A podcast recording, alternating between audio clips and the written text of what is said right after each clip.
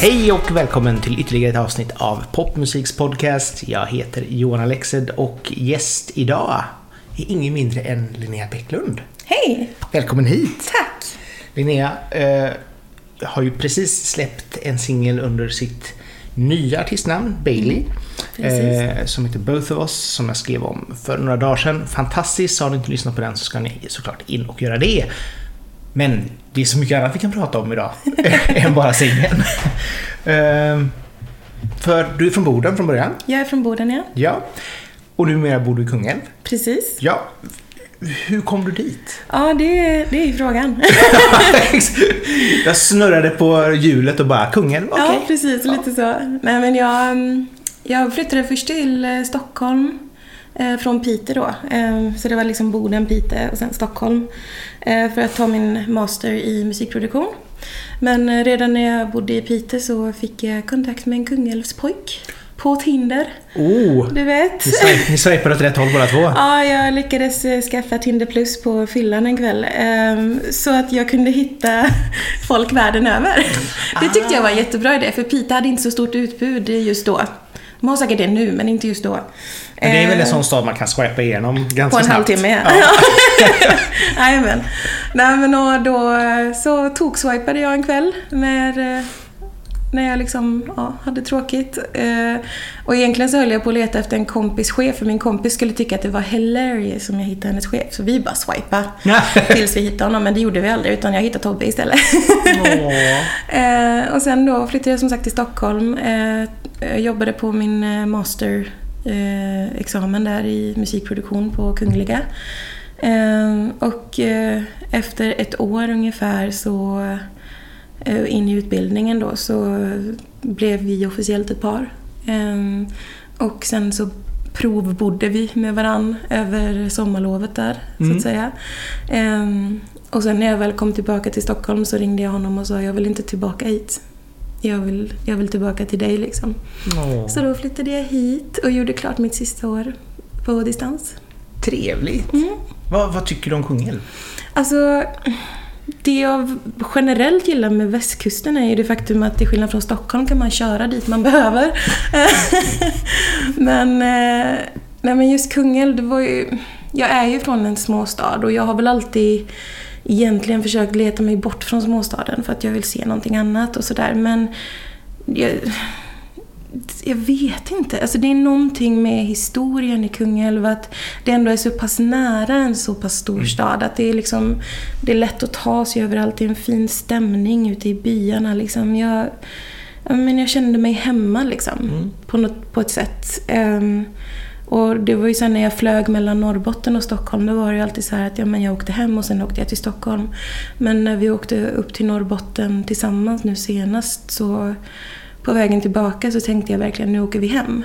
Mm, ja. Ehm, och det för mig har varit väldigt svårt att hitta för att jag har ju varit en, en person som har flängt extremt mycket. Mamma ringde ju mig en gång i veckan och frågade vart är du nu? Ehm, och, det, och jag blev typ kränkt när jag faktiskt var där jag skulle vara. Och bara, men hallå har du ingen koll eller?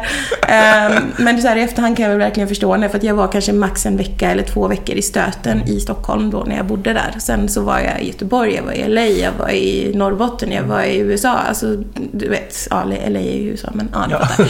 Ehm, nej men jag var alltid på språng liksom. Sen tror jag nog att många får en sån här lite romantiserad bild av just Stockholm. Att allting ska vara där på något sätt. Och sen visar det sig att nej, men det går bra att vara Ja. vart som helst liksom, i Sverige. Ja men och liksom, det, det drar väl in mig lite också på ja, men BD Pops funktion då liksom. De som ändå har harvat loss talanger i Norrbotten i, ja vad är det, men sen 2004. Det är jättelänge de håller på. Är det som 20 år? Ja, precis. Ehm, och jag menar, det har ju varit en del av deras mål, liksom, att visa att man kan jobba härifrån också. Man måste inte flytta. Sen så ville jag flytta av andra anledningar. Delvis för att testa, för att jag har alltid gillat Stockholm. Jag gillat pulsen, jag gillade att vara där. Liksom. Jag har alltid ja, men ändå, ändå känt mig väl på plats där. Liksom. Eh, och sen så hittade jag då den här utbildningen och, och sådär. Och ja, men, liksom, då hade jag i alla fall två år som jag visste liksom att ja, men jag kan bo två år i Stockholm. Ehm, så fick vi se. Nu blev det ju bara ett. men, eh, men liksom... Hur, Ja. hur, hur har den utbildningen varit för dig? Utbildningen, jag... eh, På ett personligt plan så gav den mig väldigt mycket. För att eh, det jag nog egentligen behövde när jag började där, det var lite tid. Jag behövde liksom lista ut, ja men lite... eh, Om jag säger så här.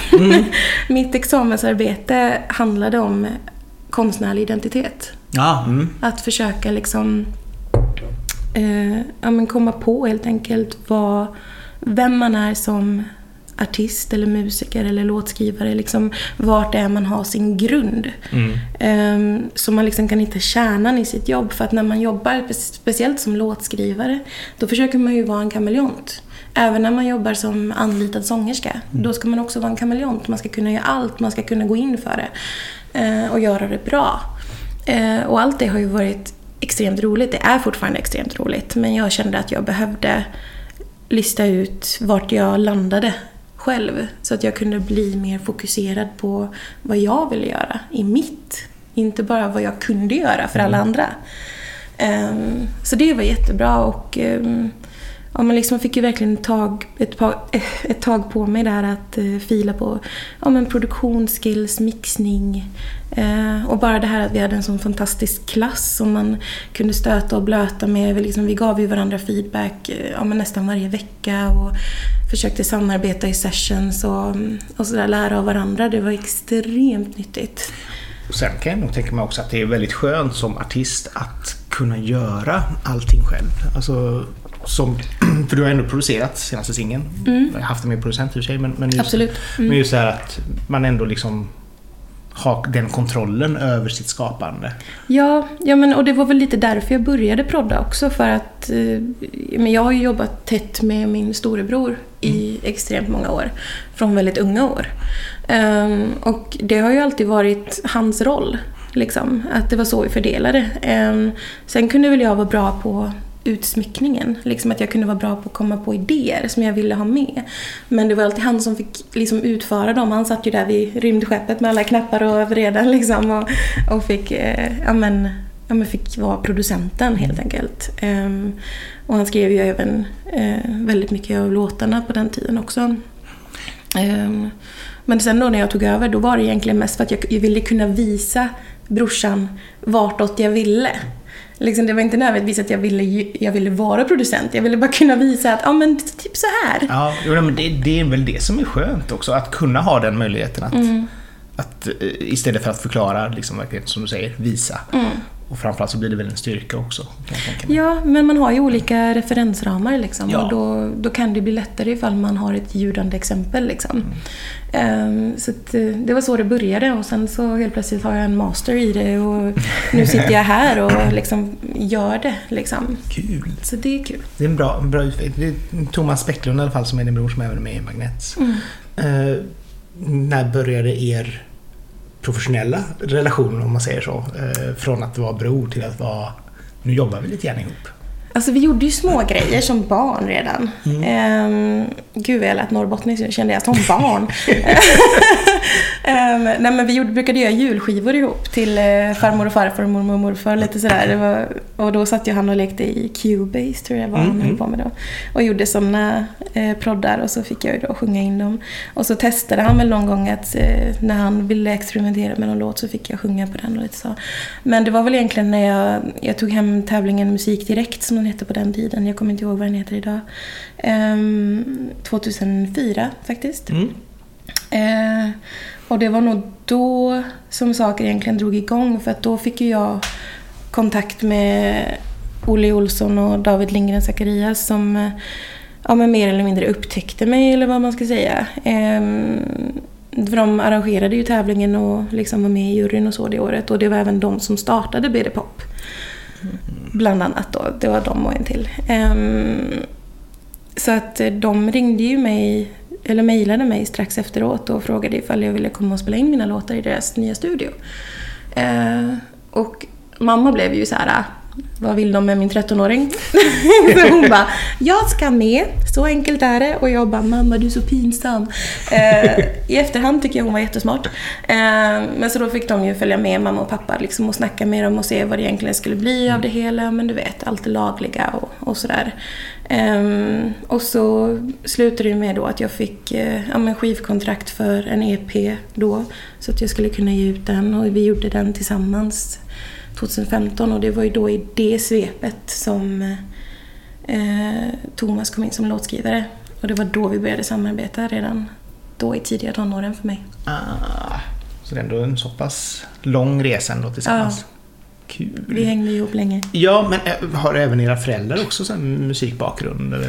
Alltså pappa är ju sån, eh, han skriver ju också låtar. Mm. Ehm, har gjort hela min uppväxt och har alltid gillat att ta fram gitarren uppe i stugan och sitta och spela alla hits han gillar, så att säga. Och jag och Thomas försökte ju alltid hänga med i alla låtar och sjunga med och lära oss vi med. Ehm, mamma har ju alltid älskat musik. Eh, och hon sjunger gärna och hon kan absolut hålla ton. Liksom. Mm. Det, är inge, det är ingen brist på musikalitet i henne, om man säger så.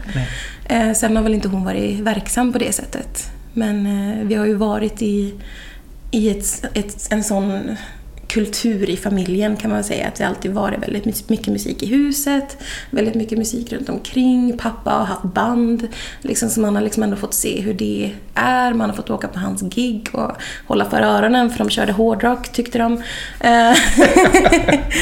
Ehm, nej men så att det, det har kommit från grunden liksom. Så du har inte blivit eh, bortskrämd av, av livet på vägarna? Jag har varit nog bortskrämd från att skaffa garageband. Det blev jag nog. Jag bara, nej jag vill att det ska låta fint. det ska vara polerad pop. Ja, ja. helst med jazzfärgningar. Ge mig add-nior så är jag glad. Jag brukar ju ha som sagt var den här att man ska lista några eh, artister, låtar, mm. album som har betytt någonting för, för artisten. Så jag tänkte att vi kan gå igenom dem för det känns som att det var passande precis nu. Ehm, så vi kan börja med din första. Min första, det är faktiskt ett album som fyllde 50 år igår, har jag för mig. Mm -hmm. Det är Joni Mitchell Blue. Ah. Hela det albumet. Vad var det med det? Som... Det, det var faktiskt brorsan som köpte det och jag snodde det. uh, det, det var, jag tror jag var 14, typ, när mm. han köpte det. Och uh, jag tror jag nötte den plattan i ett helt år. Alltså det, det var någonting med hennes för det första hennes röst som på den tiden egentligen skavde lite i mig. Men ju mer jag lyssnade på den desto vackrare blev det. Ehm, och det var väl egentligen hon som ja, men verkligen personifierade eget uttryck för mig. För att hon är ju, Joni är ju Joni liksom. Ehm, och liksom alla texterna, jag började liksom googla upp dem och jag läste igenom allting och um, bara såg alla de här scenerna hon, hon, som spelades upp i hennes text framför mig. Um, som jag tolkade det då. Um, jag älskade hennes melodispråk för hon, jag har för mig att hon har sagt i en intervju att hon anser sig själv vara jazzsångerska. Um, och det anser inte jag, men uh, to each their own. Um, men för mig har hon ändå varit en stor melodisk inspiration. Mm. Um, och jag gillar verkligen hur, ja, men hur tydligt och starkt hennes uttryck är i det.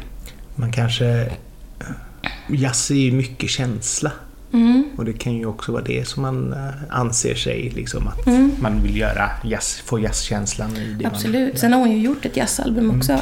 Um, som också var skitfint. Men det var just Blue som jag blev kär i henne.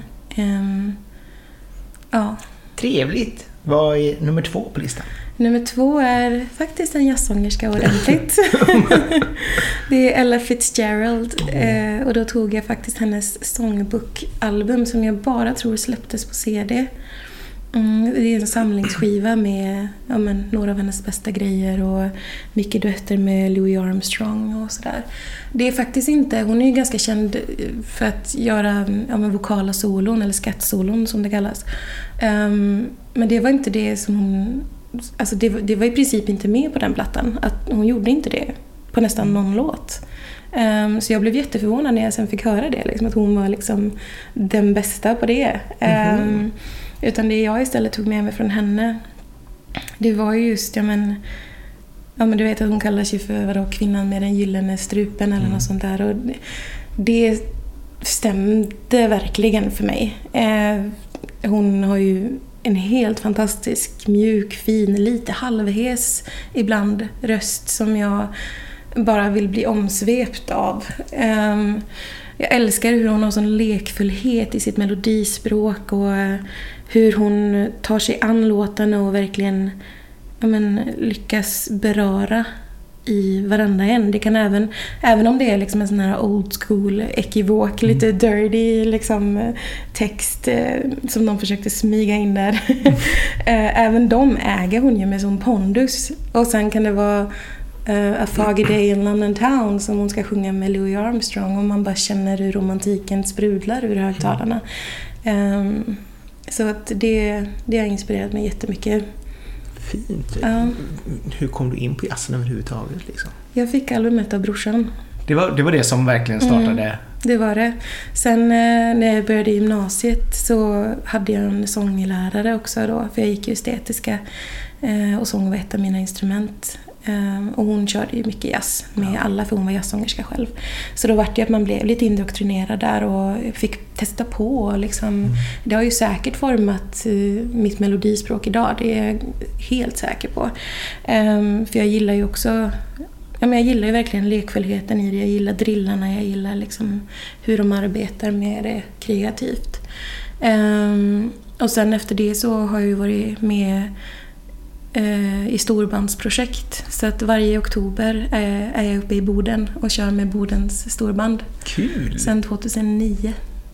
Så det är länge nu. Ja, verkligen. Mm. Är, vad är, är det liksom just den här storbandskänslan på det bara eller är det liksom mer instrumentet, eller vad heter det, experimentellt? Eller är det liksom Nej, det är storband. Ja, det, är, ja, det är krigstidsjazz liksom. Kul! Ja, det är skitkul. Um, det har varit verkligen grymt.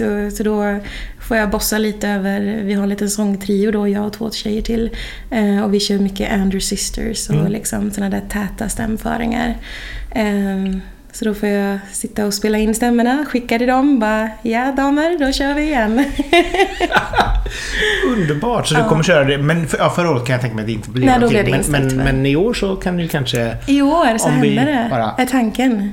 Hoppas. Vi planerar för det, så ja. mycket kan jag säga. Kul! ja. Efter Ella, vad har vi då? Efter Ella, då har vi Fleetwood Mac. Mm -hmm. Rumors. Fantastisk popplatta. Ja, minst sagt. eh, Nej, jag, jag vet inte riktigt hur jag upptäckte Fleetwood Mac. Jag kommer inte ens ihåg vilken låt det var jag hörde först. Jag tror att det var Songbird. Mm. För att jag såg, jag lyssnade mycket på Eva Cassidy när jag var mm, typ 12, 12-13. Um, för jag hade fått de plattorna av mormor och morfar som var helt förälskade i henne. Så då hörde jag Songbird på den och jag älskade ju den låten och då kollade jag upp någon dag vem som gjorde originalet och så såg jag att det var Fleetwood Mac. Så att eh, jag lyssnade på den, jag tror att det var den vägen in till Rumors-plattan. Um, och eh, sen liksom, ja, men jag läste ju på allt om det där. Jag, ju, jag nördar ju in mig väldigt lätt på saker och jag gillar bra historier. eh, och Rumors är ju fylld av bra historier. Mm. Bara liksom de här smaskiga detaljerna i vad som egentligen pågick i bandet på den tiden och att de faktiskt hade the guts att skriva ner sina egna känslor och tankar kring det hela och sina egna upplevelser och ändå envist jobba ihop den här plattan på det här sättet. Jag menar, den, ja. Det, det är så himla mycket bra. Jag, jag gillar varenda låt på den. Kul. Det är också en sån underbar känsla när man verkligen hittar den där Mm. albumet. Man bara, det spelar ingen roll vilken låt jag lyssnar på. Nej. Allting blir fantastiskt. Liksom. Precis, precis. Vi gjorde till och med när jag gick på, eh, på kandidat uppe i Piteå så gjorde vi eh, en eh, tributekonsert till den här plattan. Mm. Eh, och jag, bara, jag kunde inte släppa det liksom, för då hade jag träffat en, en kille där som jag hade börjat plugga med. Eh, alltså träffat en kille, en kompis då, inte, inte på annat sätt. Eh, men, eh, men och jag hade hört han sjunga en gång. Mm. Och jag bara, kan någon vara Lindsey Buckingham, då är det han. Mhm. Så att jag bara så här snodde han en dag och jag bara Hörru du, jag funderar på en sak. Du var ju väldigt bra och så så att... eh, så då gjorde vi det projektet ihop och mm, drog med liksom, ja, men alla våra favoritmusiker i klassen och bara körde. Roligt. Ja, det var skitkul. Få vara Stevie Nicks för en kväll liksom.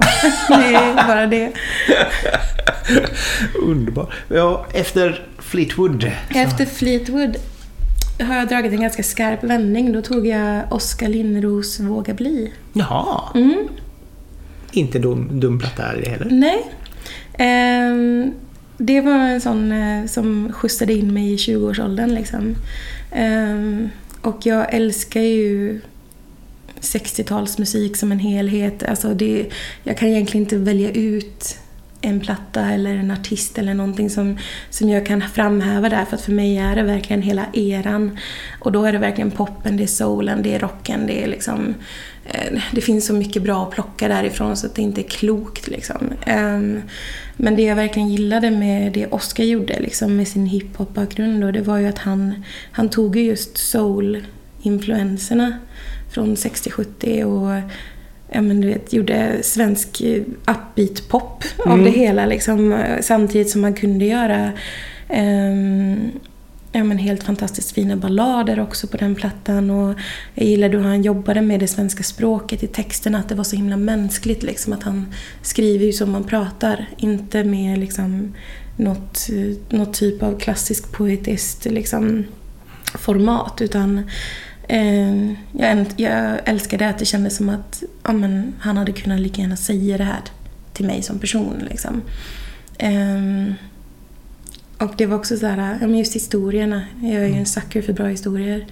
Ehm, och det är även här, precis som Ella, liksom, att det kunde ju gå från jätteheartfelt och, och verkligen ja, men deppigt och själv...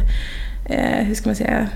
Eh, Destruktivt. eller? inte självdestruktivt skulle jag inte säga, men just ja, men kanske självrannsakande. Ja, mm, mm. Ehm, att liksom våga säga att fan jag var dålig på det här. Mm. Till liksom, om en debut, en låt på plattan som handlar om liksom tappa oskulden och hur det kändes, hur tankarna gick och liksom så här tok snuskig liksom. eh, om man lyssnar ordentligt. Men jag gillade just att man kunde få in båda delarna utan att det för den sakens skull blev eh, ja, men överdrivet eller in your face, att det var tydligt. Mm. Men det var inte så att man bara oh, wow, hallå, det där vill inte jag höra om. Liksom, utan det är så här, det var bra. Liksom. Spännande. Ja, Mm. du- när, du, när du väl säger det, alltså det är väl... Oscar är väl så nära Mark Ronson man kan komma kanske i Sverige. ja, det skulle jag nog våga säga faktiskt. Eh, både han och även eh, ja, men Christian Walls. Ja, Han skulle nog också kunna toppa där. Gud, vilken... Ja, också en artist som borde göra mer. Ja, precis. ja, vad jag har förstått så är det väl hans perfektionism som eh, kanske sätter käppar i hjulet där. Men han har ju det liksom. Ja, ja, absolut. Både som producent och som låtskrivare och Mm, artist. så att han borde ju ta, ta sig i kragen. Ja, men precis. Då har vi en kvar. Mm. och här fick jag panik. Så att jag har eh, ungefär fem frågetecken och eh, sex alternativ. Uh, Och jag skulle gärna vilja göra en sån här eh, honorable mentions-lista också bredvid den här, känner jag. Ehm, för att liksom om man tänker på om man tänker på just singeln jag har släppt nu så kan man ju ändå höra lite, ja, men lite lounge-influenser också i, i grunden av produktionen. Liksom. Eh, och det var ju någonting jag upptäckte bara för några år sedan, liksom, att jag bara hot damn, jag gillar loungemusik liksom. Um, jag gillar pannade syntar och liksom när det liksom gungar, du vet. Mm.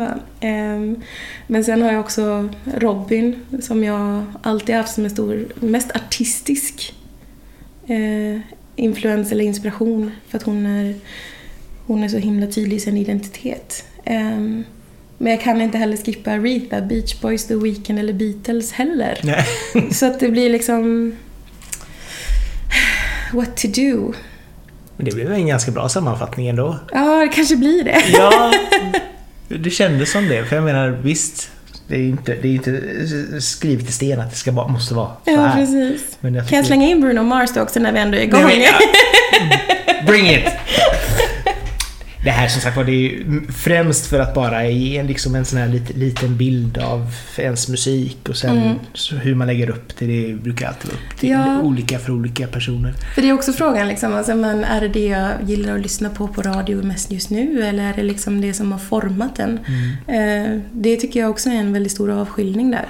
För att då finns det ju helt plötsligt så mycket mer att plocka från. Ja, och sen är det ju också så att jag menar, bara för att du det här året har lyssnat jättemycket på den här artisten så betyder ju som sagt var inte det att den artisten har format dig. Nej, precis. Men, och det kanske är nästa år så kanske den artisten är helt ointressant. Ja, ja, men precis, vem vet? Då kanske cancel culture har kommit in och bara nej, den personen ska vi inte lyssna på. Okej. Done. Men vi kan bara som en sån liten parentes. Var det någon låt som du lyssnade på extra mycket medan du jobbade med Both of Us? Med Both of Us. Ehm, nej, egentligen inte. Eh, utan när vi skrev den, ehm, jag och Jonathan då, Jonathan Bluth, Mm. så um, jag fick nog en ganska tydlig väg redan då. Så att jag jobbade inte med referenser riktigt. Utan jag, eh, jag fick en väldigt tydlig känsla och en väldigt tydlig bild av hur jag ville göra det. Ehm, och eh, ja, men jag kan ju ta upp liksom The Weeknd I feel it coming.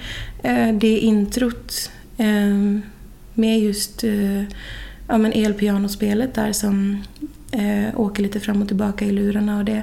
Ehm, det är ju ett sånt sound som jag verkligen älskar. Mm. Och det ligger ju till grund för speciellt verserna liksom. Nu är ju introt inte, inte så på den just men just i verserna så vet jag att jag jobbade med med elpiano på det sättet. Eh, och det är ju som en inspiration jag tagit därifrån som ändå ligger bottnad i mig. Mm.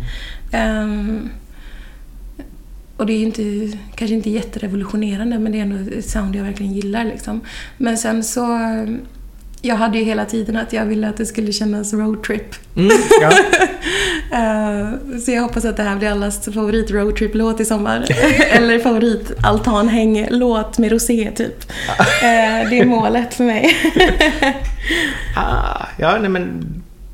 Då har vi lite grann där, för det är ju som sagt var, ibland har man ju alltid så här, åh jag hade lyssnat på den här och tänkt att åh jag måste göra någonting som innehåller element av detta. Ja. Liksom, så där, så att, Jag tror att den blir nog en ganska bra sammanfattning av ja, men lite Mm. det vi har pratat om nu. Liksom att det, alla mina influenser strålade samman, så att säga. Mm. Jag fick med mina 60s girl groups, jag fick med eh, loungeackorden och elpianorna och liksom sådär.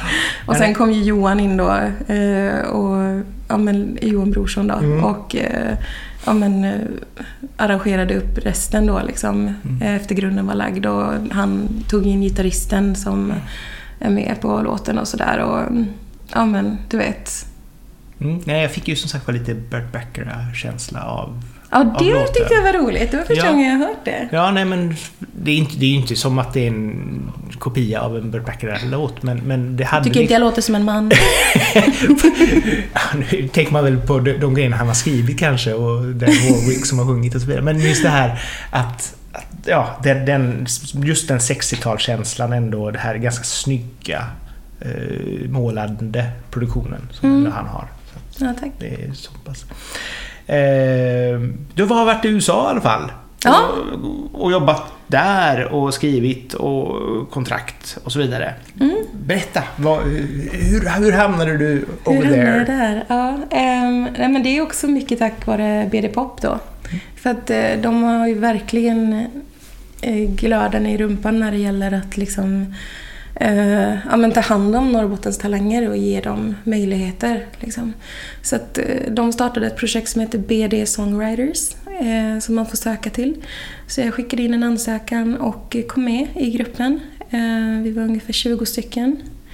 Eh, och i det så ingår då liksom att eh, en ekonomisk satsning absolut, men också då att man får vara med i sessions med både svenska artister och låtskrivare, att man får ha panelsamtal med svenska bolagschefer och sådär.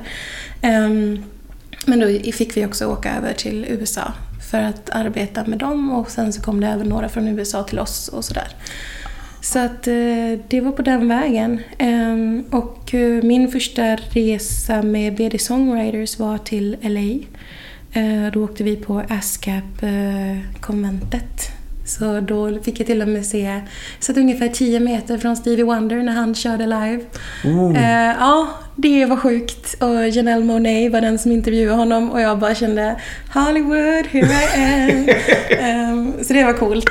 Uh, jag tror inte riktigt jag hade fattat hur coolt det skulle vara. För att till Stevie Wonder, det var så, här, det var så långt bort. Jag mm. bara, ja, ja, visst jag ska se Stevie Wonder live. Ja, men gud så kul liksom. Uh, men det, det var det. det, var, det, det var riktigt häftigt. Uh, och jag satt även precis bredvid eh, låtskrivaren Priscilla Renee. Ja. Som bland annat har skrivit Timber we're going down, ja. I'm yelling timber. Um, och hon hade precis varit uppe och haft en låtskrivarpanelsamtal. Så jag hade sett henne precis innan. Och då satt jag tydligen bredvid hennes pojkvän. Och det visste inte jag. Så sen då liksom ställde vi oss och sträckte på oss. Jag vill ju inte lämna min stol. Mm. Helsike heller. För jag vill ju se Stevie. Så att jag bara, jag håller mig här. Här ska jag sitta. Det här är mitt space. Uh, men då började han snacka med mig och bara, du är det okej okay om Priscilla kommer och sätter sig? Hon är jättetrevlig. Du kan fråga henne vad som helst. Så jag bara, jag bara ja, hon får sitta här. Det är mitt minsta problem i hela världen, hörru du. Um, så att det var liksom en sån sjuk stund. Jag satt bredvid Priscilla Renee, såg Stevie Wonders, lyssnade på Jelena Monet och liksom de satt där och du vet, sjöng duetter med varandra och alla liksom började sjunga körerna. Eh, för alla där var ju låtskrivare, så alla började sjunga körerna i hans låtar medan han spelade. Det var, ja, det var riktigt fint. Vad, vad lär man sig på sådana olika camps? Liksom? Alltså, hur, hur, funkar det? Eh, på, just det där var ju som ett konvent, så då, mm, var, då är det ju som en serie med föreläsningar, panelsamtal och sådär. Mm. Så jag fick ju se jättemycket inspirerande där. Fick man bland annat se Captain Cuts som skrev um, Shut Up and Dance. Och de tog upp hela sitt Logic-projekt på storbildsskärm och visade liksom exakt så här har vi jobbat. Vi fick den här hooken av den här låtskrivaren som vi pratade med. De har ett band, de brukar ge bra grejer ibland. Eh, så, att, så vi tog det här mm. från den låten och så byggde vi runt det. Och liksom det var mycket sånt där. Och det var även en Chainsmokers-låt de hade jobbat på. Um, sen så fick man se en sån här riktig Nashville-mästerproducent som hade gjort Keith Urban senaste och han visade hur han jobbade med gitarrloopar ovanpå gitarrerna och liksom drog upp Pro Tools där och man bara Okej, okay, hur hittar du ut ur det här projektet? Liksom? men, eh, så det var mycket sånt. Um, och sen då fick man ju höra om ja, men, andra låtskrivares resor framåt. Liksom, hur de fick sin chans, hur de jobbar nu. Uh, the power of att faktiskt bli kompis Eh, för det var någonting de tryckte väldigt mycket på. Liksom, att det ni alla måste inse att vi som sitter här på scenen just nu, vi känner faktiskt varandra. Jag vet att han har en dotter som heter det här och hon fyller år den här dagen. Jag vet att han har haft problem med sitt knä. Jag vet att hon har liksom, och så vidare och så vidare. Eh, och liksom verkligen håll kvar era vänner för att det är så ni klarar er. Liksom. Så det var, det var väldigt inspirerande. Och sen hade de ett mingel då. Eh, och Fritjof då från eh, Talblond var ju med på eh, den resan. Och han började snacka med en, en snubbe som var där som hette Jonathan. Och eh, Fritjof kunde i princip inte göra sig förstådd på engelska eh, kommer jag ihåg. Att Jonathan hade jättesvårt att förstå så de hade en annan kompis i gänget från Sverige nu då som försökte översätta. Och det hela ledde till att han, att han hittade till vårt Airbnb där vi bodde allihopa, galna norrbottningar på låtskrivarresa liksom. Cool. Så han kom dit en kväll och så gick jag runt med en IPA i högsta hugg och höll på att sjunga med till Ariana Grande på nedervåningen och hade det härligt liksom. Eh, och så hade han hört det på övervåningen när han och Fritiof skrev så liksom han bara “Who is that?” eh, Och så hade de ju sagt att det var jag och sen när han kom ner då så satt vi mitt i middagen Och han var så här, bara, nej men jag vill inte tränga mig på. Och jag bara drog ut en stol bredvid mig och bara, okej, okay, sätt dig ner så ska jag berätta alla mina hemligheter. och vi klickade direkt och blev jättebra vänner. Kul! Så det är liksom min OG från LA. Så det var han jag skrev med nu på Both Ja. Us också. Men så ni har ändå haft kontakten eh, så pass Mm. hela, hela Det är vägen nog liksom. fyra år nu, Ja. tror jag. Så det... Roligt! Ja. Man ska, ja, men, som de Håll sa. kvar liksom. era kompisar. Exakt! Ja, precis. Keep your friends close and your enemies close. Nej, men och sen eh, efter det så var det ju Nashville då. Eh, ett helt annat klimat, en helt annan typ av upplevelse. Att skriva låtar i Nashville, det är verkligen att race to the finish line. Liksom att man, man sitter liksom med sin laptop i högsta hugg och man vill vara först med att knäcka den där grymma raden. Man jobbar som en maskin. Det liksom bara flyger ut ord. Eh, och i Nashville så är ju orden så sjukt viktiga. Texten är extremt viktig. Eh, det är även bra om du vet vad den exakta skillnaden på country och americana är. Mm. Eh, och den exakta skillnaden i, i snabb version nu, det är egentligen hur man skriver texten. Det är den största skillnaden. På vilket sätt är det... Att eh, i americana då handlar det mer om, eh, om vad du känner som person. Mm. Hur du upplever någonting. I country så handlar det om att detaljerat förklara hur saker ser ut, vart du är, vad som händer, vad du gör. Eh, och liksom allt det där. Eh, du får inte glömma känslorna där heller. Men det är väldigt mycket så här, eh, låt säga att i country om du ska skriva en låt, då skriver du jag gick in genom den röda dörren med en glasruta på. Jag, så, jag såg mig omkring i det fyrkantiga rummet och kollade över bardisken och där satt den personen jag letade efter. Hon satt där med blont hår och jag såg hur dammet yrde i luften och hon hade de här ögonen som var i den här färgen. Och du vet, det är extremt detaljerat. Medan i americana då är det mer liksom, men jag gick in på baren där vi skulle mötas. Jag såg henne, hon såg fantastisk ut och jag kände att mitt hjärta hoppade ur bröstet. Lite mer så. Mm. Ehm, så det, kan, det är en ganska bra skillnad för just låtskrivare att vara medveten om. Sen så blir det ju ändå, låten blir låten. Liksom, sen beror det på. Men det känns ju också som att Nashville har ju blivit något av en pophuvudstad också Mm. i USA. Absolut. Att det inte bara är liksom den här country-delen Mm. liksom. Det är väldigt mycket bra poppisar som kommer därifrån. Liksom. Ja, Mm. och det känns som att de har väldigt mycket camps och sånt också så för Mm. folk från Sverige som har varit just i Nashville och skrivit och, och hittat ko- olika kontakter och så vidare. Mm. Men det finns inget som slår det för att alla där vill verkligen så mycket. Eh, du kan ju inte gå in på en bar utan att du ser en songwriter circle på scenen. Liksom. Mm. Och när man sitter i en songwriter circle, du kanske inte har träffat någon av de andra förut. Men om du börjar fatta ackordföljden och börjar fatta melodin och refrängen, då kan det hända liksom att hela, hela cirkeln börjar sjunga med. Försöka kompa varandra och liksom hjälper till för att förstärka den andres låt. Liksom. Ehm, och det är så här, är du på Broadway, ja, men varenda hak har ett eget liveband. Jag var inne på en bar själv. Uh, av någon anledning, jag kände mig jättemodig. Eh, där hade de en bandkavalkad så de fick 15 minuter, sen bytte de. Och de gjorde så i sex timmar. Oj! Så det var så sjukt mycket band som bara gick upp en kvart, bort. Ehm, så att hela stan andas ju musik. Men det är även liksom, är du låtskrivare där, men då du skriver låtar om dagarna. Du har tre till fyra sessions per dag och du ska leverera och sen så får du köra lyft på kvällen. Liksom. Ehm, så Va- det är tufft. Vad, vad är största skillnaden om man säger klimatet mellan Nashville och LA? Alltså i LA, där är det ju...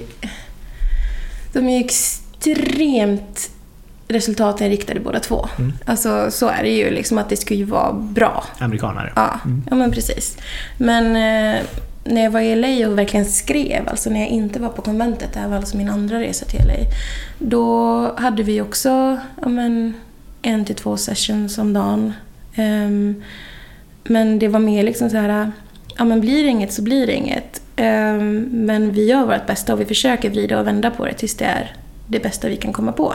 Och man vågar verkligen rannsaka sig själv och liksom verkligen bara, ja men var det här det bästa? Eller skulle det bara gå snabbt? Eh, I Nashville får det gärna gå fort och bara gå fort. Eh, men det blir ofta bra.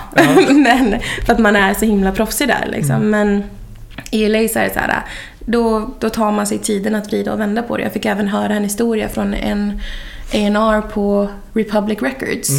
Eh, och han berättade liksom att ja, men med de här två låtskrivarna då gjorde vi så att vi stängde in dem i studion i två veckor. De fick bo där, de fick sova där, de fick liksom vara där hela tiden. Vi skickade dit käk, slängde in lite gräs och så släppte vi ut dem efter två veckor men, och så såg vi vad som hände. Och det kan hända att de inte kommer ut med någon låt. Då är det okej, okay, då har vi försökt i alla fall. liksom.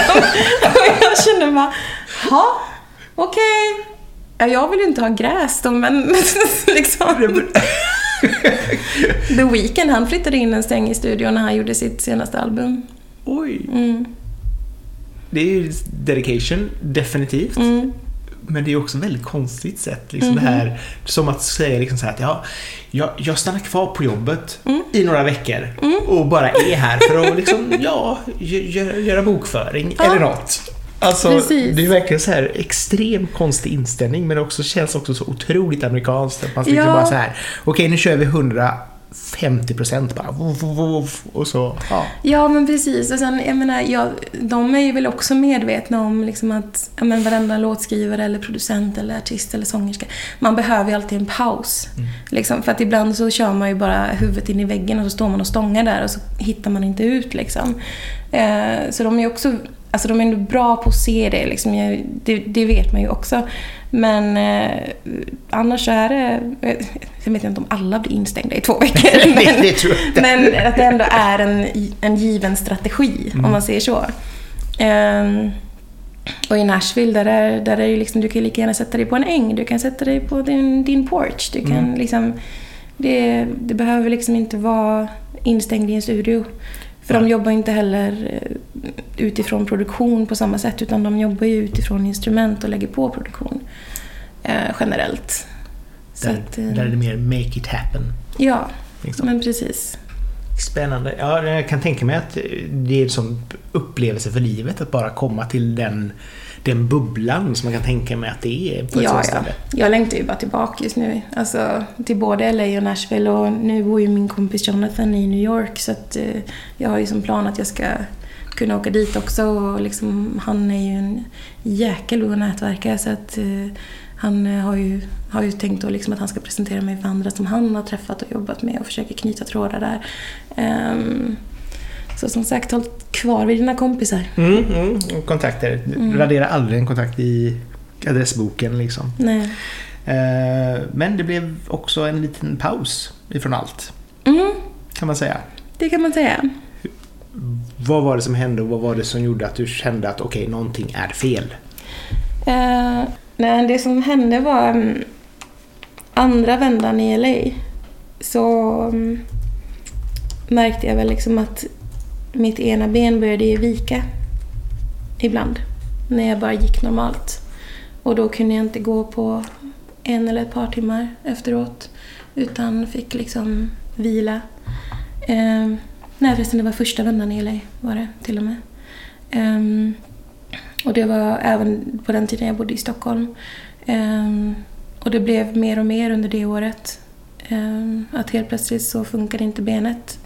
Eller benen till och med ibland. Ehm, jag var tvungen att ringa till skolan och säga liksom, jag kan inte ens gå till bussen, jag kan inte komma in idag. Ehm, Oj. Sådär. Ehm, och eh, egentligen så var det väl inte ett nytt problem utan det är någonting som jag har upplevt hela mitt liv. Men det var nytt att det var att det höll i sig så länge. Att det inte kunde gå till sig, att det inte ville funka alls. Eh, en gång så var det en vecka som jag fick ligga och bara försöka ta hand om mig själv liksom. Ehm, Vad är det som låser då? Eller vad är det som kändes? Eller vad? Det som kändes var liksom att det kändes som att det låg fel. Att så fort jag försökte stå på det så det bara strålade och skar genom hela benet och jag förstod ingenting. Liksom. Ehm, och jag har haft ont i, kring höfterna sedan jag var ung, alltså som jag minns kring fem år gammal. Jag och mamma har sprungit in och ut från sjukhuset från det jag var 8 till 17 år, minst två gånger per år. Ehm, och de har alltid liksom sagt, ja men typ träna mer eller stretcha mer eller typ äter du verkligen på ett bra sätt och liksom kan du leva mer hälsosamt och när jag har berättat hur jag har levt, hur mycket jag har tränat, hur mycket jag har stretchat, hur mycket eh, liksom, men hur min kost ser ut, då har de sagt att de tror att jag ljuger Oj! för att de kunde inte få ihop det. Ehm, och eh, att som barn växa upp med den attityden från vården och plus få höra att man är misstrodd. Det har ju liksom satt ordentliga spår. Ehm, så när jag väl blev 17, det var nog sista gången jag var hos, på det sjukhuset och, ehm, och jag sprang ut därifrån. Och min bästa kompis var med den dagen kommer jag ihåg för vi skulle shoppa sen av någon anledning. Eh, så hon skulle bara vänta tills jag och mamma var färdiga där inne. Och eh, jag kutade verkligen från läkarrummet ut till henne och bara in i hennes famn och bara panikgrät verkligen. För att jag var så less och så ledsen och jag hade ont och det enda de sa var liksom ja men liksom att eh, du får nog se över om, det verkligen, om du verkligen lever som du säger. Liksom vara lite ärlig mot dig själv liksom. I princip. Så efter det så svor jag att jag aldrig skulle söka läkarhjälp igen. Mm. Eh, för då var jag så färdig. Um, sen då när jag var 22 så tvingade min dåvarande sambo mig iväg till vårdcentralen och jag fick ju liknande med möten igen så då kände jag bara igen att nej men fuck it, jag gör inte det här. Tog tre år. Eh, mina ben slutade funka på jobbet. Jag jobbade i, som bartender. Eh, mina ben slutade funka, jag kunde inte gå, jag kunde inte göra någonting. Så mamma kom och hämtade mig och vi åkte till akuten. Det var då jag bodde i Piteå. Eh, på akuten i Piteå säger de ah, du har nog bara en inflammation i skinkmuskeln så ta en Ipren. Så jag betalade 250 spänn för att vara att jag skulle ta en Ipren. Liksom. Oj. Mm, ehm, och på den vägen var det liksom, så det är inte ett nytt problem. Utan Nej. det som hände var väl bara att det helt plötsligt eskalerade sjukt fort. Så 2018 då, då bodde jag ju då med min nuvarande sambo och liksom han frågade ju ofta om vi kunde gå på promenader och jag försökte alltid hitta på svepskäl för att slippa liksom att jag var trött eller det var någonting annat eller oj jag måste kolla det här på datorn, jag har en läxa eller liksom jag försökte alltid bara undvika för jag skämdes ju som fan över detta liksom. Jag tyckte det var jättepinsamt att jag inte kunde gå. Eh, Och jag ville ju dölja det från honom in i det sista. Jag tänkte så här, jag kommer dölja det för honom for life om jag behöver. För att han ska inte få veta det, för det här var någonting som jag skämdes otroligt mycket över. För att jag var, att jag inte funkade som alla andra, att jag var annorlunda, att jag inte orkade, att jag inte kunde. Ehm, och läkarna hade ju inte gett mig annat att tro än att det var mitt eget fel. Ehm, så att det, det satt fast ordentligt. Ehm, men då i september så ledsnade han. och då sa han, nu åker vi till en läkare, det kan inte vara så illa, jag har aldrig blivit så dåligt bemött här. Det, kan, det måste vara Norrbotten, det kan inte vara här. Så att jag gav ju med mig och så åkte vi in. Eh, och vi hamnade hos, eh, jag var ju inte skriven i Kungälv då. Så vi hamnade hos en praktik där och jag fick träffa, jag fick betala 300 kronor och så fick jag träffa en sköterska. Jag fick inte träffa en läkare som jag bad om för de var tvungna att göra någon slags försnack för att se ifall jag förtjänade att träffa en läkare i princip. Mm. Så träffade jag en sköterska jag tror det känns som att jag var inne i det rummet en timme och jag kunde inte gå alls den dagen. Tobbe fick nästan bära mig över tröskeln och liksom så där, det, det funkade inte. Ehm, och jag hade så ont och jag grät och jag var nervös för att träffa henne för att jag visste hur det skulle bli. Ehm, och hon var egentligen mer intresserad av min geografiska historia än vad jag faktiskt hade råkat ut för. Ehm, hon var liksom mer intresserad av var Boden låg. Jaså? Liksom. Mm och Tobbe han satt ju bara i chock och kunde inte tro vad det var han hörde. Liksom. Och, och till slut så blev jag ju bara så uppgiven att allting, fördämningarna lossnade. Liksom. Och jag bara ja, men, grät sönder på hennes kontor. Varpå hon för det första frågar om jag har internet. Vilket jag tyckte var sjukt lustigt. Man bara, ja. jag tror jag lyckas lösa det. Eh, och så gav hon mig en webbsida eh, om eh, hur det funkar med eh, folkbokföring. Och sen så gav hon mig en väldigt ofrivillig kram från min sida och sa att om du tycker att det är jobbigt att leva så ligger akutpsyk bara runt hörnet. Oj! Mm. Det var det som hände. Och jag sa ju till Tobbe när vi kom ut därifrån, jag bara, jag sa ju det. Och han var så här, han var i chock, han var förbannad. Vi åkte hem, jag låg i en pöl i soffan. Eh, han satte sig på nätet och började googla runt bland olika vårdcentraler. Han ringde min pappa och berättade vad som hade hänt och de började googla samtidigt. Mm. Pappa uppe i Boden och eh, Tobbe i Kungälv då liksom. Och till slut så hittade de hans gamla vårdcentral som han gick till när han var barn. Eh, och sa liksom att jag tror att vi kan skriva in dig här. Det är bara att skriva på ett papper. Vi åker dit och gör det. Och jag var ju såhär, nej, jag vägrar liksom. Men han, han fick iväg mig Mm. och eh, jag fick skriva in mig. Ehm, och så fick jag boka en tid till bara dagen efteråt för vi förklarade hur illa det var.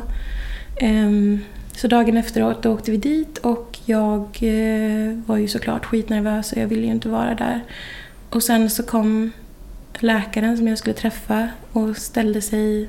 Då var precis dörren mitt emot i väntrummet där jag var. Ehm, och han såg ut som en ung Björn Kjellman för det första. Jag kände bara, du ser snäll ut. Ja. Liksom. Och sen så, så lutade han sig mot väggen och liksom bara typ tokflinade mot mig och bara Hej, är det du som är Linnea? Liksom. och då kände jag bara Du kan stanna här Tobbe, det är lugnt. I got this.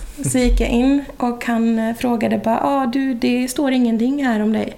Det är helt blankt, vad, vad är grejen liksom? Oj. Um, för då hade inte de fått mina gamla journaler än. Ehm, och jag bara, ja det är en ganska lång historia. Och då lutade han sig tillbaka i stolen, knäppte händerna över magen och sa bara, vi har tid. Mm. Och så fick jag berätta allting från det jag var fem till nu. Liksom. Ehm, och han var den första som sa bara, du, eh, jag kommer inte släppa det här. Det första vi ska göra är att skicka dig på röntgen. Och han var typ märkbart frustrerad över att ingen hade gjort det tidigare. Ehm, och sen då en vecka efteråt så hade jag provsvaren från det. Så det gick skitfort. Ehm, och då visade det sig då att jag var född med någonting som kallas för höftledsdysplasi. Okej. Vilket inte är jätteovanligt eh, att födas med. Men det de brukar lösa det med är att barnet får ligga i gipsvagga. Ah. Så att eh, höftlederna växer till sig. Ehm, men de missade det på mig när jag föddes. Eh, vilket är ju tjänstefel redan där. Och de brukar säga att man ska märka det inom två år men även inom två år så är det tjänstefel för att det ska märkas när barnet föds. Ah, okej. Ehm, Så det har varit extremt dåligt skött helt enkelt. Ehm, Och jag har ju ingen aning om vad som hände när jag föddes om man säger så. Nej, det, det är Men så. eh, kontentan är ju att det blev fel. Ehm, och så ringde han mig och sa liksom att "Di- dina höfter är jättetrasiga nu för att du har inga, du har inga höftskålar. Nej, okej. Så att de låg och gned mot, mot bäckenet så att säga. Ehm, mina höftkulor då. Så att de, allting var ju söndernött och det hade ju åkt fram och tillbaka, upp och ner i alla år. Ehm, det var ju därför jag hade ont. Tror fan det. Oh. Så då sa han att eh, enda sättet vi kan lösa det här på, för det var ändå de positiva nyheterna att det gick att fixa. Mm. Men det skulle innebära totala höftproteser eh, på båda sidorna. Och han sa att vi ska, jag ska pusha för att vi ska börja med vänstern och han, han gjorde ju även lite små genvägar för att istället för att då skicka mig till Kungälvs sjukhus så såg han att- till att jag fick komma till Mölndal. Um, och eh, han skickade även mig till reumatologen innan bara för att utesluta reumatismanlag. Mm. Eh, och det var ju grönt där, så det var ju inte det utan det var ju att jag var felbyggd från start. Liksom. Ehm, så det blev två stycken höftoperationer ett år efter varandra ungefär. Ehm, två år med rehab Oh. och eh, lite mental återhämtning på det. Ehm, och till slut så, ja, men så sitter jag här i, i ditt kök och får snacka med dig på Popmusikpodden. um, men jag hade ju verkligen som mål hela tiden att bara ta mig tillbaka en dag. Eh, och jag hade ju full flärd panik i början över att bli bortglömd, att tappa alla mina kontakter, att inte vara relevant, att ingen skulle vilja jobba med mig när jag väl kommer tillbaka för att de har hunnit gå vidare. Liksom. Det var ju verkligen ångesten. Eh, för att jag hade ju kämpat så länge för det jag hade. Eh, eller det jag hade påbörjat. Liksom. Så att eh, bara det att jag kunde ta vid nu och göra en ordentlig nystart har ju varit helt sjukt. Eh, och liksom, nu är jag officiellt tillbaka på något vis. Ja. Skönt ändå. Men just det här att tilliten för vården inte blir så bra.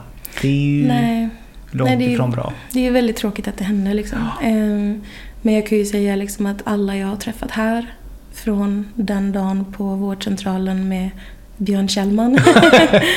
eh, alla har ju varit underbara.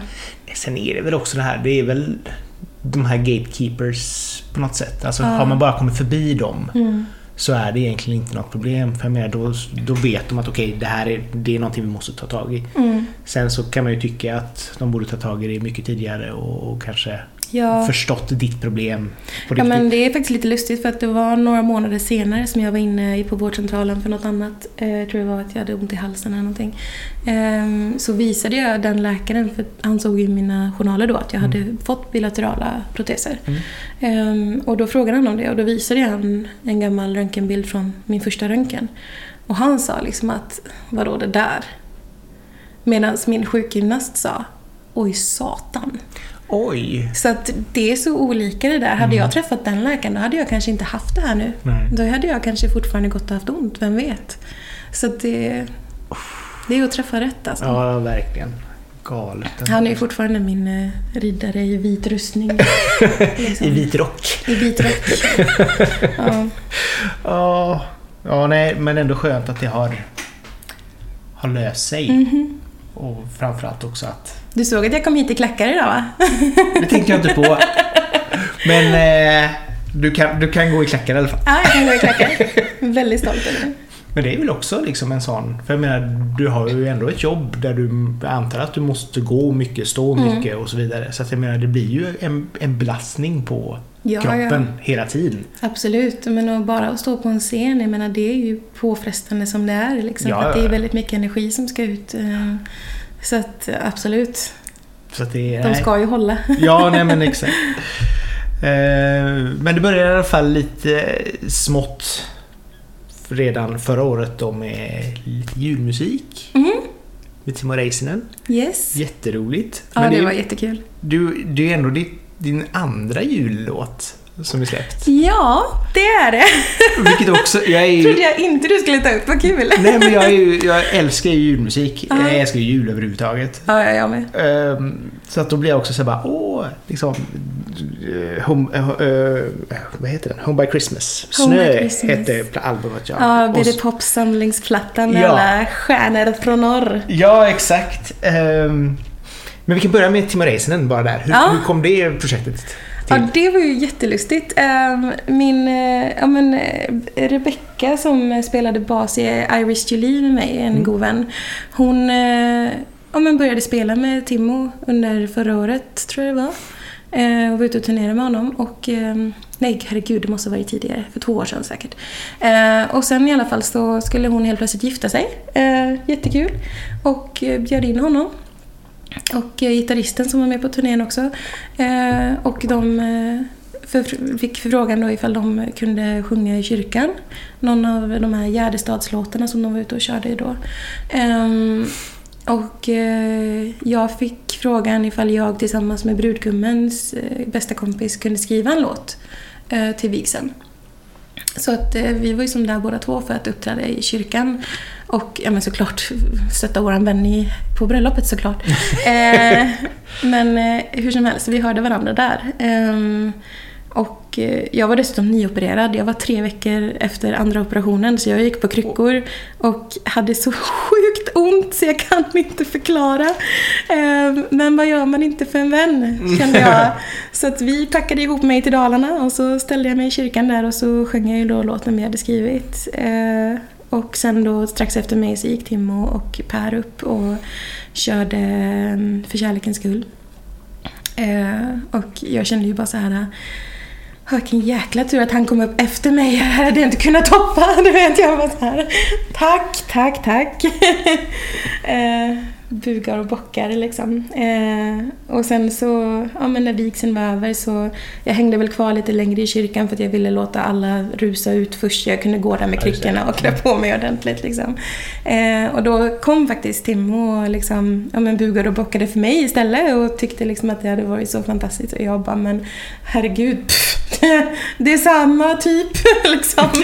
eh, nej men så att vi, vi kom väl liksom, vi fick ju en bra start redan där då med varandra. Och sen då under bröllopsfesten så ja, men hamnade vi väl eh, kring varandra. Jag, jag gick faktiskt och gömde mig i garderoben en sväng för att jag hade så ont så jag, vill, jag behövde en paus för att det var så mycket ja, men runt omkring. Ja, liksom. Så jag gick och ställde mig där och han hittade mig i garderoben. på den vägen är det. Um, han, eh, så då kom han och pratade lite med mig och frågade liksom hur jag hade det och vad det egentligen var som hade hänt och lite sådär. Um, och så ja, men började vi snacka lite om ditten och datten, om uh, svenskars alkoholvanor och liksom Som man gör. det mesta. Ja. Ja. Ehm, och sen var det väl egentligen i slutet av kvällen som eh, de kläckte idén att de skulle vilja göra någonting tillsammans. Och jag var ju tok på det såklart. Jag älskar ju Timo, jag tycker han är fantastisk. Ehm, och så såg jag väl till liksom, om- även då dagen efter när alla var nyktra. Jag bara, ja men det, det still on, eller hur? liksom. Eh, och såg till att han hade mitt nummer och att det stod mitt namn och liksom, du vet så här. Jag skickade ett sms till mig själv från hans telefon så att jag visste att jag hade hans nummer. Du vet, jag ville inte släppa den här chansen liksom. Ah. Utan jag som bara, nej men du jag kan ta det, jag lägger in det och så smsar jag mig själv. Det går bra va? Lite så amerikanskt. Så Lite amerikanskt, framåt. något har jag lärt mig. Ja, ja, ja, det är bra. Men sen hörde jag väl egentligen inte av honom då förrän i juli. Eh, Så ringde hans, eh, ja men hans A&R slash manager slash wifey. Eh, ringde mig då och bara liksom, Hej du, vi håller på med det här och eh, Tim har sagt åt mig att ska det här bli klart då får jag ta tag i det i princip. Så att eh, nu tar jag tag i det. Eh, vill du vara med? Jag bara, ja. det vill jag. Eh, så att, eh, och det var ju ett mastodontprojekt verkligen. Liksom, så jag, det, har ju tagit, det har ju tagit tid. Liksom. Det är ju ändå 24 låtar Ja, på det det är här jäkla albumet. Ja. Himla, ja, Det är väldigt roligt också, en låt per dag. Mm. Liksom julkalender. Timos julkalender. Ja, precis. Ja, det vart ju skitbra. Eh, och så fick jag väl lyssna på... Jag fick två alternativ till låtar då. Eh, och sen så ringde de sen och sa Nej men det blir den här. Jag bara okej. det blir den här. eh, och ja, fick, eh, jag fick skicka in eh, en sån här mobilmemo bara där jag sjöng låten till bakgrunden och då fick jag ju försöka lista ut formen för det första då.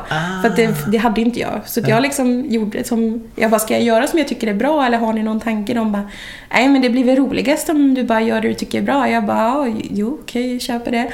Eh, Så jag bara, jag bara vrålade ju in någonting och liksom skickade iväg och sådär. Och de bara, mm, ja men det blir bra. Och sen, och sen så började inspelningen då, så jag satt i en jättesvettig studio inne i Göteborg, i Moonbase-studion faktiskt, i juli där och jag sjöng in detta. Um, och eh, ja, jag fick skicka fram och tillbaka då, så jag gjorde en tagning, skickade till dem och så fick jag små videos över sms då med ja, producent-notes liksom Ah, från Timo då. ja. Så han stod ju så och liksom, ja, men, visualiserade och framför sig och förklarade hur han tänkte att jag skulle göra och gav mig lite sångexempel och sådär och bara typ så här. Fast du. Men typ så här. det, var, det var jättefint. Det var en jättekul process. Ehm, och till slut så tror jag att vi lyckades, jag lyckades förstå vad de ville. Men jag tror vi skickade fram och tillbaka en eh, tre, fyra varv. Liksom. Något sånt. Och sen bara nail it. Ja men typ. Jag Åh. försökte.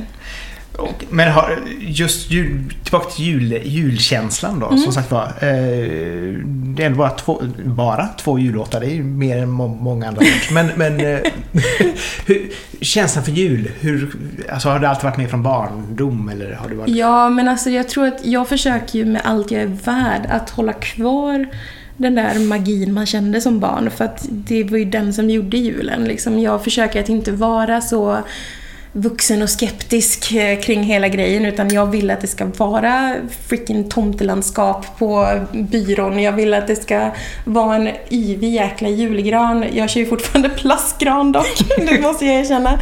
Men det är för att jag tycker att den, den är fylligare. Mm. Så att då har jag faktiskt tvingat min sambo att gå med på det.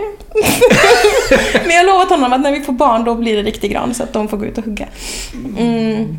Men, eh, ja, nej, men jag vill att det ska vara välpyntat där man är. Liksom. Eh, och jag, jag sträckkollar julfilmer. Jag lyssnar bara på Lars Vegas Trios julalbum och en jazzjullista som jag själv har gjort för att jazzjullåtar är för mig toppen. Liksom. Ja, men det är Nora Jones. Ja, Nora Jones också. Mm.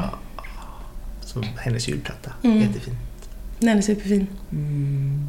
Julfilm, vilken? Gremlins? Absolut, den kommer. Det, den, den och Die Hard, absolut. Det är väl de mer otraditionella valen som jag faktiskt kollar på. Ehm, men annars så älskar jag också typ så här. um, Åh gud, vilket stort ämne det här blev. Eh, men jag gillar att kolla på Grinchen. Jag Ah. eh, kan ibland slänga in Nightmare before Christmas också. Fast den kör jag både halloween och jul faktiskt. Ja, men det kan man se nästan varje Ja, men- alltid. Ja, den funkar liksom. eh, men sen så... Eh, och gud, vad heter den? Det heter The, the, the, Family, the Family Stone. heter den. Det är en film med Diane Keaton och Sarah Jessica Parker när Sarah Jessica Parker är ny i familjen. Jaha. Ehm, och det handlar liksom om typ förlovningskaos. Ja. Hur som helst, tomten är far till alla barnen, apropå kaos. Ja. Eh, den måste in. eh, och gud, det finns så himla mycket bra Ja, julfilmer. det, vi såg ju den Last Christmas nu. Förlåt, jag Ja. måste bara slänga in den. Min absolut favorit, A Christmas Carol. Ah, ja, ja, men det är ju en klassiker. Den och- Ja. Jag klarar mig inte utan den. Och det är samma som Wonderful Life är också Mm. sådär charmig. Mm. Och Miracle on eh, 34th Ja, Street. så här. Och det är så mycket sån här. Och så kommer det nästan varje år någonting nytt liksom. Mm. Och som sagt var, Last Christmas, Mm. bagatell, absolut. Men väldigt charmig. Ja, väldigt charmig. Love actually. Absolut. Alltså, åh. Det så mycket bra. Och så är det liksom så här. Det är som lite grann som säger den här att man vill gärna hålla kvar med den här... Ja men att det, det är mysigt. Man vaknar på morgonen och man får liksom god mat och det är liksom bara så här, ah, nej, älskar jul. Mm. Så det kanske kommer ännu mer julmusik från dig med andra ord. Ja, vi får se. Vi får hoppas. Det är, Får nu, jag chansen så? ja, det är ju nu de ska spelas in så det är bara till att... Ja, precis. Nu när man svettas som mest. Det är då det händer. Ja, in, vi måste också snacka lite snabbt om Bailey. Mm. Eh, vad skulle du säga din... För, för tidigare så, så var det Iris Julie och Mm. nu är det Bailey. Va, varför ändrade du namn? Vi kan börja där. Jag gjorde nog ett ganska ordentligt vägval där. För att Iris för mig, det var ju framförallt eh, det jag och brorsan startade. Ah. För väldigt länge sedan. Mm. Ehm, och sen när jag tog över det och drog det åt ett annat håll, liksom, det var ju så här, men jag hade ju väldigt kul med det och jag tyckte om att göra det. Liksom. Men sen så kände jag väl också att det var det var ju väldigt förvirrande för folk hur man skulle uttala det för det första. det var mycket Irish och eh, jag ville ju alltid ha det franska uttalet. Jag ville ju ha Julie, du vet. Ah. Så här. Men det var ju ingen som förstod, det insåg jag ju snabbt. Ehm, och eh, sen då liksom när, när jag började liksom skriva mer låtar och jobba mer som låtskrivare, då kände jag att jag ville ha ett paketeringsnamn. Eh, som kunde vara både mitt artistjag och mitt låtskrivarnamn. Liksom att man hade en pseudonym där ordentligt. Eh, och så kände jag liksom också att ifall jag nu verkligen ska kunna grunda mig och liksom just kolla på min konstnärliga identitet, vad det är jag landar i, liksom vilket sound det egentligen är som är 100% jag. Då kände jag också liksom att nej, jag, jag behöver en ny kula, jag behöver ett nytt namn som inte är kopplat till någonting annat som liksom, ja, men ger mig lite ett rent blad. Ehm, så jag vred och vände på det lite grann, ringde brorsan också, vi bollade lite och sådär. Eh, och det var väl han egentligen som till slut knäckte Bailey, tror jag. För jag höll på liksom att leka med just det här mjuka, liksom, ja men, Bell och så vidare och sådana grejer. Och, och sen så insåg jag liksom att ja, men Bäcklund stavas ju B-A-E på eh, engelska. Och så hade jag ju L-I. Så jag började leka med dem och liksom gick ifrån Lilly till alltså, hela spannet. Du vet, jag hade tror jag, tre sidor med anteckningar där jag bara slängde runt namn. Liksom. Eh, men till slut så landade jag då i Bailey och eh, det kändes eh, svinrätt. Liksom. Vad, vad skulle du säga är, är din vision med eh, dig 2021 nu då? Med mig 2021. Ehm, ja, men jag har ju de här låtarna som ska släppas nu och eh, jag har ju alla planer i världen på liksom att eh, vaska fram material ordentligt nu så att jag kan eh, ta vid 2022. Ehm, jag hoppas väl helt enkelt på att eh, bara, ja, men lite kanske visa att jag är back with a vengeance lite grann. Och vill att det ska ta fart ordentligt för nu känner jag väl att jag är mer redo än jag någonsin har varit för det. Eh, speciellt eftersom benen håller också. Eh, och det gör ju också att jag ja, men mår totalt bättre. Liksom. Eh, jag är nog också mindre ängslig nu för vad andra ska tycka. Eh, och jag tror att den typen av självförtroende i det man gör automatiskt lyser igenom. Mm. Får jag för mig i alla fall. Jo, nej, men så är det ju. Så är det ju. Ja. Alltså, Nej, men jag har haft så himla bra samarbete nu med, med Johan. Eh, han är ju med på eh, kommande låtar också. Och har ja, men, co-producerat och mixat och sådär. Och vi har haft en väldigt bra dialog. Och det är också en sån här kompis som jag ja, men vill hålla fast vid. Liksom. Eh, så vi får väl se också ifall det blir nya samarbeten till, nya, till nästa grej. Mm. Eller vad som händer. Men just nu vill jag bara visa att jag kan ta plats. Mm. Eh, och att jag platsar. ta, ta för sig på scenen. Ja. Du kommer ju även då som sagt en EP. Mm. Salty XOXO. Mhm. Eh, vad kan vi förvänta oss av den? Oj, oj, oj, oj. Mycket känslor. Ehm, du vet att jag gillar bra historier. Mm. Eh, det är det jag har lagt fokus på på samtliga låtar. Eh, bra historier, lekfulla melodier, vackra ljudlandskap. Eh, classy, lite 60s. Det låter som en, eh, en perfekt höst-EP. jag hoppas det. Det var planen. Underbart! Så fantastiskt trevligt att ha dig här. Men detsamma. Tack så hemskt mycket för att jag fick komma. Ja, och till, till dig som har lyssnat får jag också säga tack så mycket för att du tog dig tiden att eh, höra på vårt lilla samtal. Som vanligt, dela gärna inlägget eller eh, podden till dina vänner på sociala medier så att fler kan upptäcka det och följ gärna podden så får du nästa avsnitt direkt ner i din mobil när det släpps. Men jag och Linnea säger nu tack och hej! Tack och hej! hej. Thank